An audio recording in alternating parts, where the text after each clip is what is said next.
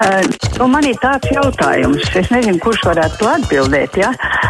Nu, vispār tie komentāri lieki. Paldies! Jā, un šodien mūsu brīvais mikrofons ir ar neatliekamās medicīniskās palīdzības dienesta Rīgas reģionālā centra brigāžu atbalsta centra krasts vadītāju Rafaelu Ciekuru. Labdien! Jums Labdien. ir ārkārtīgi garš amata nosaukums, bet jums taču ir pieredze arī radio 5LV un dot 5. Jā, es esmu no Latvijas radio kanāla 5 LV. Man, mums ir raidījums, 5 brauc ietveros um, vesels 5. Un tad katru trešdienu kopā ar Magnusu Eriņu mēs runājam par aktuālām tēmām, veselības aizstošām. Jā, bet no šeit būs jārunā par visdažādākajām tēmām. Lai gan mums klausītāji jau raksta arī ar medicīnu saistītus jautājumus uzreiz. Lielā augstumā vīrusu izsalstot, vai ar covidu arī tā varētu būt?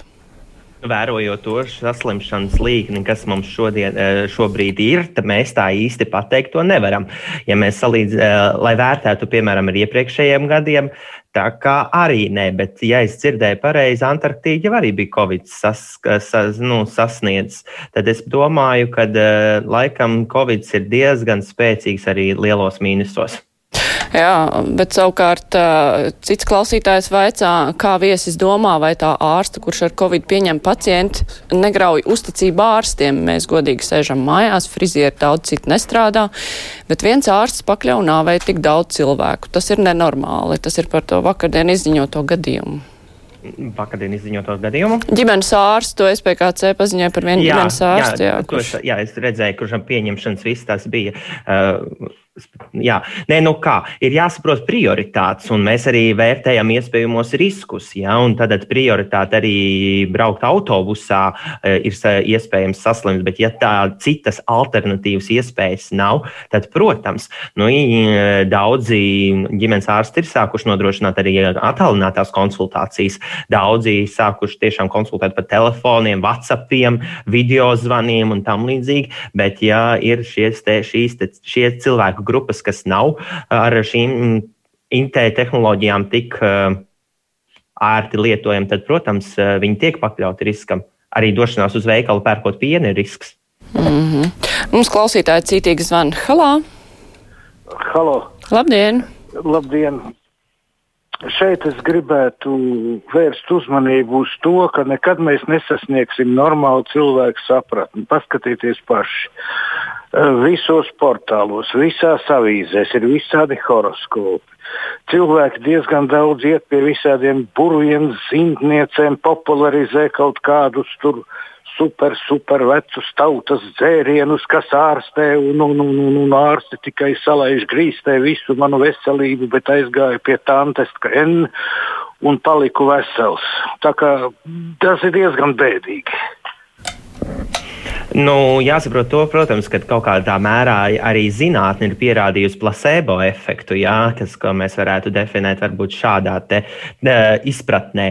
Jā, bet uh, cilvēkam, protams, ir brīva izvēle, un uh, viņš var sevi ārstēt ar dažādām metodēm, bet, protams, uh, mēs, ne, mediķi, protams, aicināsim vienmēr savus pacientus uh, ārstēt um, zinātnē balstītos um, medicīnas aprūpas uh, aspektos metodēs. Nu jā, tur jau tās trakākais, ka dažkārt arī mediķi ierosina nu, dažādas ārstniecības metodas. Nevar jau būt, ka viņi skatās, ka cilvēkam īstenībā nekas nekaujas, nekaujas, un tad ierosina kaut ko tādu vienkāršāku, bet, nu, ir visādi gadījumi dzirdēt. Un tur arī ir tā uzticība ārstiem, par ko rakstīja iepriekšējais klausītājs, ka kaut kāda mediķu rīcība grauj uzticību ārstam, un tad citi cilvēki, nu, iet tur paši kaut ko Protams, jāsaprot, ka mediķu saima ir pietiekami liela un uh, katrā ģimenē jau ir savs melnās avis, ja, ja mēs zinām, tā varam to teikt. Ja. Tāpēc, protams, ir uh, viedokļi tādi, bet uh, ir, ir zinātne, ir balstīti pētījumi, uz ko mēs visu tā kā pamatā balstam savu veselību. Klausītāji vaicā, ko viesis domā par dzīves biedru likumu, ja, protams, šajā saspringtajā laikā vispār ir laiks domāt arī ārpus medicīnas.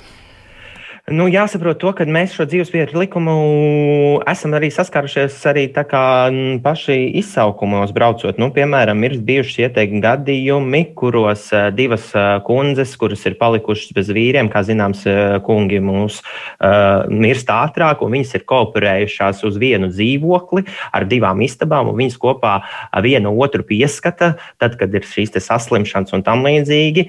Un, uh, mums ir bijuši arī manā profesionālā karjerā gadījums, kad eh, viena kundze mirst, un tad uzrādās šīs mirušās kundzes īpaši radinieki. Tad, kad tur tas viss jautājums juridiski nav sanokārtot līdz galam, tad tā otro kundze tiek vienkārši izliktā aiz durvīm. Ja? Lai gan ir bijuši pat gadījumi, kad šīs te, uh, pensijas bija tik maziņas, ka viena pārdeva dzīvokli, kopīgos, uh, kopīgs uh, naudas maks, kopīgs katla, zupas katls bija, un viņas sevi tādā veidā atbalstīja un uzturēja. Ja? Tāpēc es domāju, ka šus, šis būtu noteikti regulējums jautājums. Jā, tas ir piemērs, ko parasti aizmirst tādus piemērus minēt, jo parasti to reducē tikai vai nu uz vienzimumu pāriem vai cilvēkiem, kuri neprecās kādu iemeslu dēļ, bet šī te kopā dzīvošana jau var būt dažādu iemeslu dēļ. Jā. Tāpēc. Klausītājs Jānis raksta, kāda jēga no diviem jēdzieniem likumdošanā, ja nacionāļi cenšas padarīt ģimenes definīciju pilnīgi vienādu ar laulību, tad labāk atteikties no ģimenēm un tikai aizsargāt laulātos pretējā dzimuma pāris, bet pārējos atstāt likteņa varā. Nu, man ļoti patīkās uh, citēt uh, Osipovs kundzi, kura saka, mātē Latvijai visi bērni mīļi. Un, nu, nu, neatkarīgi laulībā, nelaulībā, šķirtenis vai atraitnis un tam līdzīgi. Es pacelšu klausuli. Halā! Labdien! Labdien! Latvijas rādio noteikti labāk informēts nekā mēs vienkārši enģērdāji. Latvijā ir tāda aizskaukus banka kas apkalpo Krievijas organizēto noziedzību, un FSB tā nodarbojas uzturēšanas, atļautu ieguvušanu, naudas mazgāšanu un caur to tikai finansēt starptautiskais terorisms, par ko ASV finanses ministri uzlika bankai ķep. Tagad, tā, tagad tāpat kā daudzās valstīs, vadoties pēc vainīguma prezumpcijas principa, no turienes izņemt naudu tikai ierādot legālu izcelsmi. Kāpēc es domāju, vai tagad bankas nedēļas būs beigušās. Krievijas noziedznieku izņemt un noguldīt to naudu. Jo banka apkalpo ne tikai viņus. Piemēram, Josifa dēls Hunters savā BLV Ukrainā bazētās čekijas firmas buļsam saņem Ukrainai nozagtos 3,5 miljonus dolāru. Tagad, kad ASV Vašingtonas Baltā namā ovālā kabinetā sēdēs viņa papucis noziedznieku, kur naudu bija iesaldēta. mm -hmm. nu, jā, man komentāru nav personīgi. Jums ir? Nu, jā, Mārta, mm, nu, tur ļoti izsmeļoši. Es pat teiktu, ka tas ir tāds disertācijas vērts pētījums. Nu, ļoti, ļoti, ļoti. Man liekas, ka uh, tiesību sargājošām institūcijām vajadzētu sazināties ar kungu. Varbūt tiešām viņš tiešām ir izmeklējis šo jautājumu ļoti spēcīgi. Jā, nu, viņš mums arī bieži zvana. Labi, vēl klausītājs zvana. Halo! Labdien! Labdien! Sakiet, lūdzu, es varu vienalga, pa kuru jautājumu viņi jautās. Vienalga, pa kuru šis ir brīvs mikrofons. Jā, ziniet, man tāds ļoti nopietns jautājums par tiem lielajiem 50 litrīgajiem gāzes baloniem. Kādreiz bija pieņemts, teikt, ka pieņems likumu ar 17. gadu, tie lielie baloni vairs nebūs apgrozībā, tāpēc ka ļoti daudz ir sprādzieni bez gala, un, un tagad atkal bija sprādziens cik ir, es domāju, cik ir vajadzīgi vēl bojā gājušie, lai beigās to jautājumu atkal paceltu un tomēr izņemtu tos balonus no aprits. Es zvanīju uz intergāzi. Viņi teica, nu mēs jau pamazām viņus sākam mazināt, bet mums ir pagalmā, uh, kur mēs varam mainīt balonus, stāv atkal 50 litrīgi vesels reģis pilns. Kad tas jautājums tiks nopietni risināts? Mēs uztraucamies par pandēmiju, bet ko tie baloni, kādas ārprātas traģēdijas? Nē, nu, taisnība jau ir, laik, laikam kaut kas notiek, bet Bet nu, es gan kaut kā negribētu piekrist kundzei, ka viņi tur sprākst pilnīgi neorganizēti un tam līdzīgi. Tie gadījumi, kad mums ir šādi veidi sprādzieni, uz kuriem mēs dodamies, nu nav tik bieži, protams. Ja? Un jāsaprot to, ka uh, tie baloni ir, protams, varbūt pat vajadzīgi tādi lielāki izmēri. Tas būtu lauku reģionos, uh, kur, piemēram, atbraukt un aizbraukt, uh, it īpaši, piemēram, šādos laikapstākļos ir grūtāk. Un tad, ja viņai katru nedēļu mazais balons ir jāmaina, nu, tas ir, protams, protams, cilvēkam ļoti nu, mm, nērtību sagātājošs. Ja? Bet, uh, jā, tāpēc es domāju, ka nu, nav tik traki, melns, vēlns nav tik melns, kā viņu mālē. Nu jā, tur šodien svarīgi ir eksploatācija un nu, pareizi rīkošanās ar tiem baloniem. Nu, vēl klausītājs Zana, hello! Jā, labdien, tiešām varu tikai piekrist, ka ja ar balonu normāli rīkojas, tad tas nesprāg, bet ja cilvēks ir glups, tad visjaunākais, vismodernākais balons nelīdzēs tāpat kā arī pie modernas mašīnas stūres var momentā uztaisīt avāriju. Nu, ciemiņam tāds interesants uzvārds - ciekurs. Ciekuru nav nemaz daudz, ciekuru ir daudz, ciekuru ir maz. Es te biju Facebookā lasījis par vienu ciekuru, kurš aktīvi cīnās par tiesību sarg, pret tiesību sargājošo iestāžu patvaļu un par brīvību un demokrātiju. Jā, jums ir daudz ciekuru radinieku. Ar šo Andru ciekuru, kas ir gaismas pasaulē, kaut kā tam līdzīga, man nav nekādu sakaru, nekādu radinieku, un neesmu ne uz ielas viņu pat saticis nekādā mērā. Mm. Nekādas asins radniecības nav. Tas viennozīmīgi nav. Mm -hmm. Nu, vēl klausītājs man. Hello! Labdien! Labdien! Ziniet par to vakcināciju. Ot, izlasiet vienu no pēdējām ievām, tur ir ļoti fēni aprakstīts par šito astru, ne, ko ir viņķele pasūtījusi šausmīgi lielos daudzumos, bet kā ir 70% tikai, un tur ir dzīvais tas potē to dzīvo, nevis ķīmisko, kā nu, no ķīmijas tur sataisīt to fāzeru un, un to otru. Tiem ir 95%, tad kam te jūs tagad domājat potēt? Un vēl kas ir, tagad reģioniem, padomā visiem tiem ģimenes daktariem, tagad nu sūtīs to, ko sūtīs. Tātad to astru sūtīs. Nu, es neiešu pie tā ģimenes doktora un to astru ne, nepotēšu. Jūs saprotiet, ko nozīmē? Izskaidrojiet, kāpēc tā astra, kas vēl nav izgājusi, licenci dabūjusi, kāpēc viņi ir sasūta tik, sasūtīta tik daudz, lai viņi tagad maksā par to.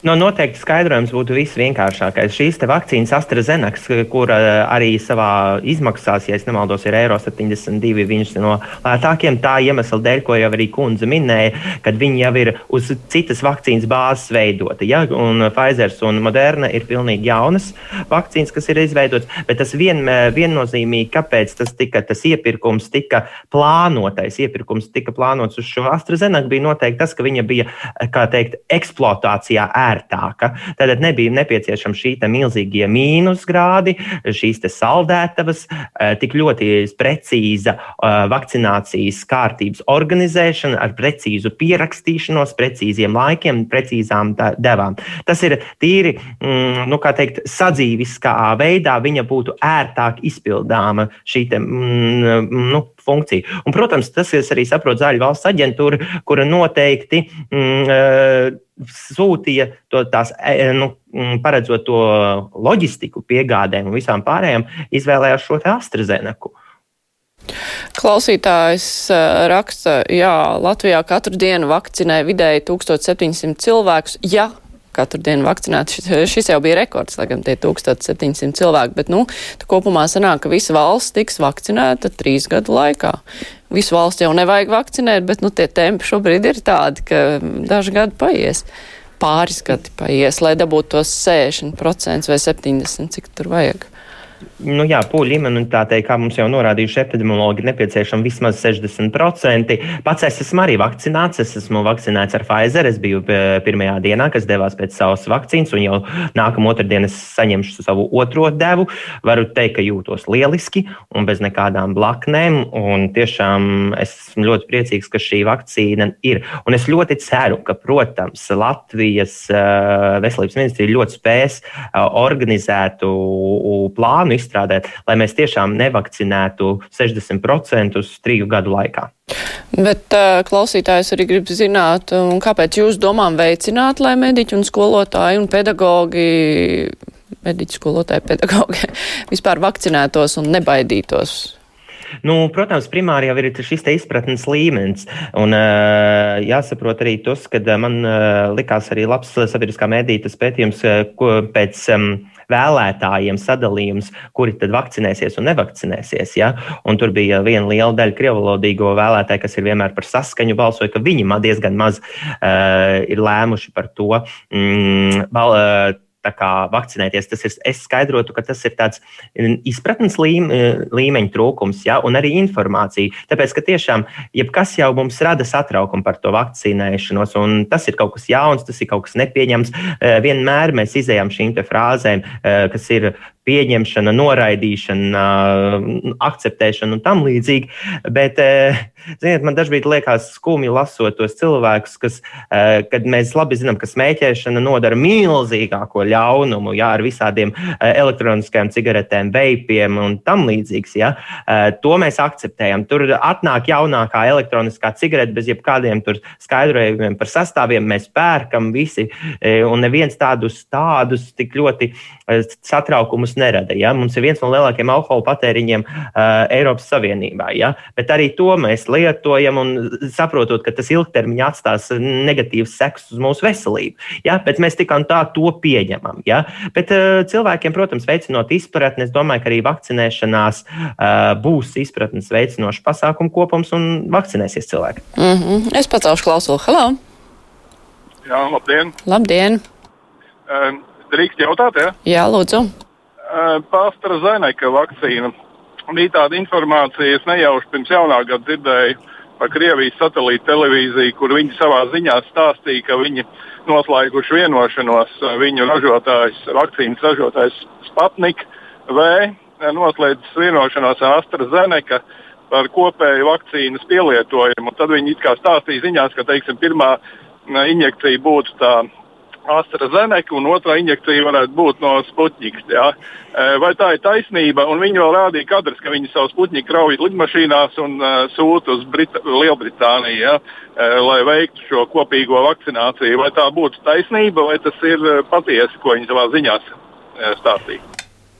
Nu, jā, mēs arī savā aprindās esam dzirdējuši, ka uh, šis Sputnika V ir sadarbība arī ar šo AstraZeneca, un viņi kaut, kā, kaut kādu šīs ķīmiskās vielas vai modificē vai kopā savieno un vispār kopumu nodrošina. Jā, tā tad. Uh, tā, nu, kā es teikšu, vienkāršā valodā, pilsētā tiešām tā runā, kad AstraZeneca ar Sputniku V e, sadarbojās tieši vakcinēšanas izstrādē un vakcinācijas nu, izveidē.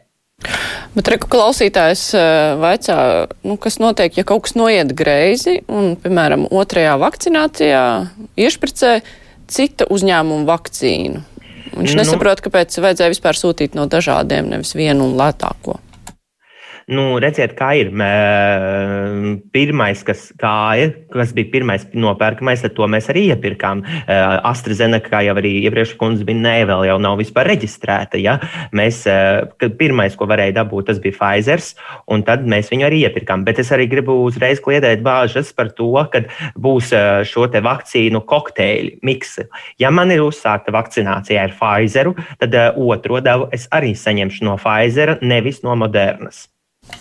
sajaukšana nav iespējama. Nu, nejauši sajaukt. Kas notiks, ja sajauks pēkšņi? nu, es domāju, ka uh, sajaukšana uh, nu, nevar, nevar būt. Es domāju, ka tāpēc, ka cilvēki ļoti, ļoti mm, aktīvi sekotam līdzi. Nu, piemēram, šī brīdī uh, pirmie visi, kas sāka vakcinēties ar Pfizeru, nu, piemēram, mēs pat nevarētu dabūt to modernu, jo mēs tagad sāksim iet uz revakcinācijas procesu. Atkal tiks tajā kabinetā sagatavots sagatavots Pfizer. Bet, protams, kaut kādā mērā nu, iespējas jau vienmēr visādas ir. Ja? Tāpēc es, protams, domāju, ka labāk uz tādām ģimenes ārstu praksēm vai vispār arī uz dažādiem vakcinācijas kabinetiem sūtīt to viena parauga. Vakcīnu. Bet tā ir teorētiski, ja sajauc un divas dažādas vakcīnas, kas notiek. To kāds ir skaidrojis. Es neesmu lasījusi tādu skaidrojumu. Es tādu arī pilsētu. Mm. Nu, nebūšu manījis tādu. Bet, bet uh, klausītājiem tomēr ir interesants jautājums. Es tādu nebiju, nebiju aizdomājusies, ka tā varētu notikt. Klausītājs man, hello! Vai mikrofons? Brīvais mikrofons, jā. Sakiet, lūdzu, man būtu tāds jautājums. Izraela ir ļoti gudra valsts. Ar kādu vakcīnu vakcinē Izraēlā? Zinat, ar kādu vakcīnu Izrēlā? Es, pat... laikam, biju dzirdējis, man šķiet, ka Pfizer, bet es neesmu pārliecināta. Kaut kur tā ir. Tāda informācija drusku nu, ir nosaucta. Tā kā man likās dzirdēju par Pfizer, bet es tā uzreiz. Tā mm. labāk garantēti neteiksim Neteikšu, atbildi. Ne, ne, Drošāk. Ne, ne, ne. Labāk pacelšu klausulu. Halo! Labdien! Labdien! veiksmi jaunajā gadā. Paldies jums arī! Man tāds jautājums, ja es neesmu samaksājis komunālos maksājumus kādus četrus mēnešus, man pa katru dienu ir jāmaksā soda nauda. Valdība novembrī pieņēma jauno budžetu, kurā paredzēja invalīdiem no bērnības maksāt pensiju no 1. janvāra palielinātu. Bet tagad ir janvārs, un tagad mums saka, ziniet, nevaram izrēķināt, saņemsiet tikai maijā. Vai tad valdībai nav jāmaksā soda nauda par šiem četriem mēnešiem? Nu, principā jau būtu, ja tā taisnīgi, jo arī valsts ieņēmuma dienests, ja ir nodokļi nav samaksāti, rēķina soda nauda, ja kādreiz nevarēja paspēt tos pārēķinus uztaisīt, tad uh, no ieņēmuma dienesta puses soda nauda nebija. Taisnīgi jau būtu.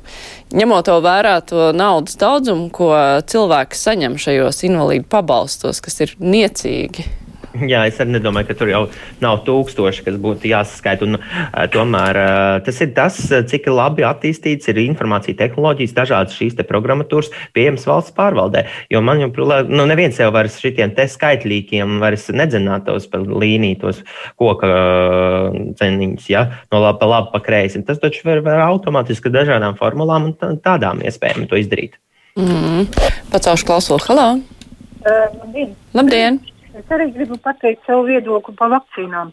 Es nekad neticēšu, ka uh, pie mums ir iepirktas vakcīnas uh, dažādas tikai dēļ tā, ka uh, piedāvājums ir bijis dažāds. Bet, manuprāt, tas ir tikai tāpēc, ja Igaunija Lietuva pasūtīja vairāk Pfizer, tad pie mums ir noteikti tās lētākās. Un ir jābūt cilvēkiem iespējai izvēlēties, kādu vakcīnu es gribu, lai man potē. Nevis tā, ka nu, tagad ir savas lētās, un man potēs to, kas nu ir atnācis.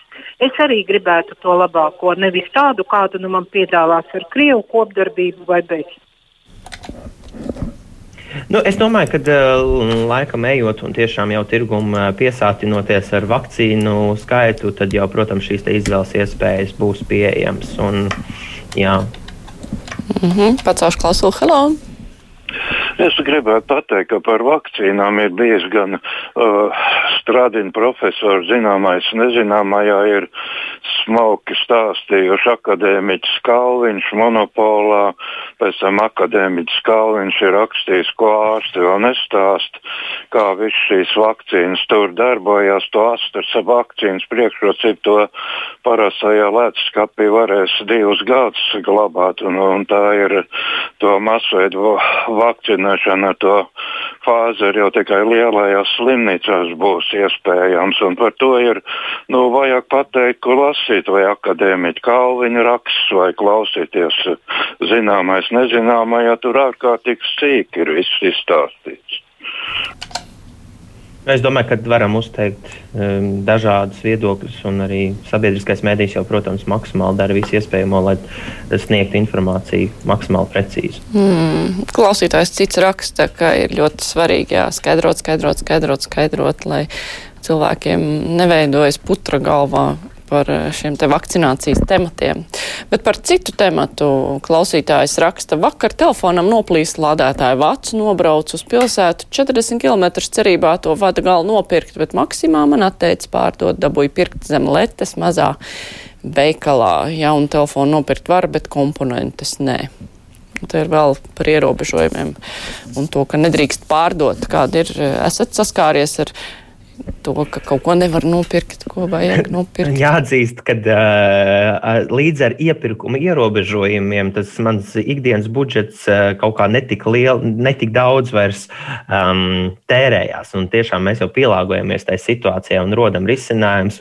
Pat mm, tagad jau, kad tik ilgi laika periodi ir kaut kādi šie iepirkuma ierobežojumi varas, mēs viņus pat uztveram tīri normāli. Bet, protams, arī mans paudzes cilvēkiem noteikti ir vieglāk uh, nu, iegādāties kaut kādus šos te, ko veikalā tieši nevar nopirkt, jo ir pieejams interneta resurss. Un es saprotu tos reģionu cilvēkus, kuriem varbūt tas nav, un tas ir apgrūtinoši. Bet tāpēc es domāju, ka mēs jau esam tāda latvieša, jau tāda atbalstoša tauta un var jau lūgt palīdzību no citiem, kas piezvanīt, pasūtīt, atsūtīt un tam līdzīgi. Mm, šajā laikā sadarbība ir ļoti svarīga. Tā klausītāja Agnes raksta, es ļoti gaidu vakcīnu, kad man pienāks rinda, bet es gaidu Pfizer vakcīnu ar 95% efektivitāti. Negribu astru ar 75%. Esmu gatava pati samaksāt, bet par efektīvu vakcīnu.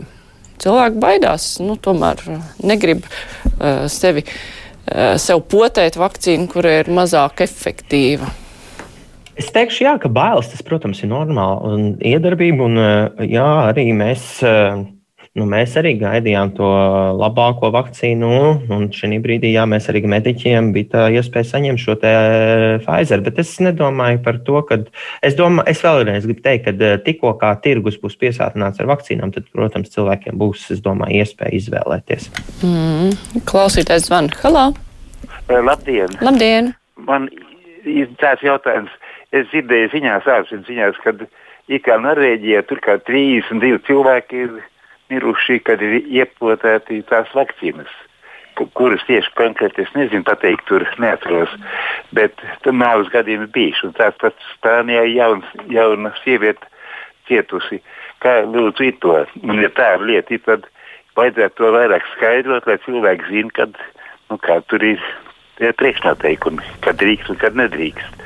Mm -hmm. Nu, es gribu uzreiz teikt, ka no jebkā mēs varam savā dzīvē mirt. Un, uh, daudz, manuprāt, uh, saistīšos gadījumus uh, tieši ar vakcināciju. Mēs kaut kādas uh, tiešām nāves, kas varbūt ir nesaistīts ar vakcīnu, mēģinam pievilkt tieši pie vakcinēšanas. Ja? Nu, Latvijā, uh, redziet, nu, jau esošo laiku posmu, kas ir vakcinēts, nu nav bijuši tādi ziņojumi, jo šis process ir tiešām ļoti rūpīgs un ļoti atbildīgs, jo visi mediķi, kas ar to šobrīd nodarbojas, saprot to milzīgo atbildību, kas viņiem ir uzticēta. Jo, kā mēs labi zinām, taču katrā stūrī mums ir kameras, katrā stūrī ir viedokļi, un process šorīt nu, Latvijas, Latvijā norit ļoti, ļoti precīzi. Un, es varu teikt tā, nu, no jebkuras vakcīnas var nomirt. Ja? Nu, ir kaut kādi sarežģījumi, vēl kaut kas tamlīdzīgs. Ja? Nu, tas tāds, nu, tāds, nu, tāds aplamšs jēdziens. Mēs arī varam iziet no ielas, tīpaši šādā laikā, kad ir tik milzīgas lāstekas augušas, var uzkrist uz galvas lāsteku. Nu, vai mēs tagad neiesim uz ielas ārā?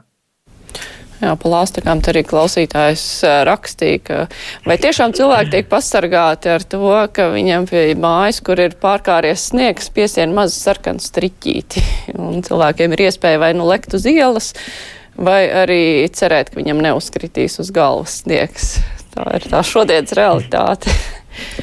Bet, nu, jā, klausītājs raksta klāt, ka mm, tā paga man pazudis. Tas paldies mediķiem par darbu un lūdzu stāstiet vairāk faktus, lai varam sakaut dezinformāciju. Tā kā paldies par darbu un dodiet vairāk faktus. Mums īpaši daudz laika brīvajam mikrofonam vairs nav palicis un arī klausulis es tagad vairs necēlšu. Vēl vienu vēstuli izlasījuši, sabiedrība nešūmētos, ja nebūtu šo pretrunu jāpotējas, kad dzīvosim kā parasti, dzīve vairs nebūs tāda kā agrāk. Tas arī noved pie neticības. Taisnība ir, jo ir pārāk daudz Jā. solījumu droši vien doti par to, kas notiks, ja sāks vakcinēties kas notiks pēc divām nedēļām ierobežojumi, jo vajag uzreiz pateikt skaidri, ka nu, tik ātri to nevar, diemžēl, saregulēt. Nu, tiešām patieci, pa, pacietība un izturība mums visiem. Šis laika periods noteikti nav vienkārši nevienam. Tas ir laika periods, milzīgs izaicinājums gan mediķiem, gan sabiedrībai visai kopumā. Jā, Tā ir mūsu atbildība. Un būsim izturīgi. Es saku Jā, paldies Rafaelam Ciekuram no Neatliekamās medicīniskās palīdzības dienesta, bet mums tagad būs ziņas.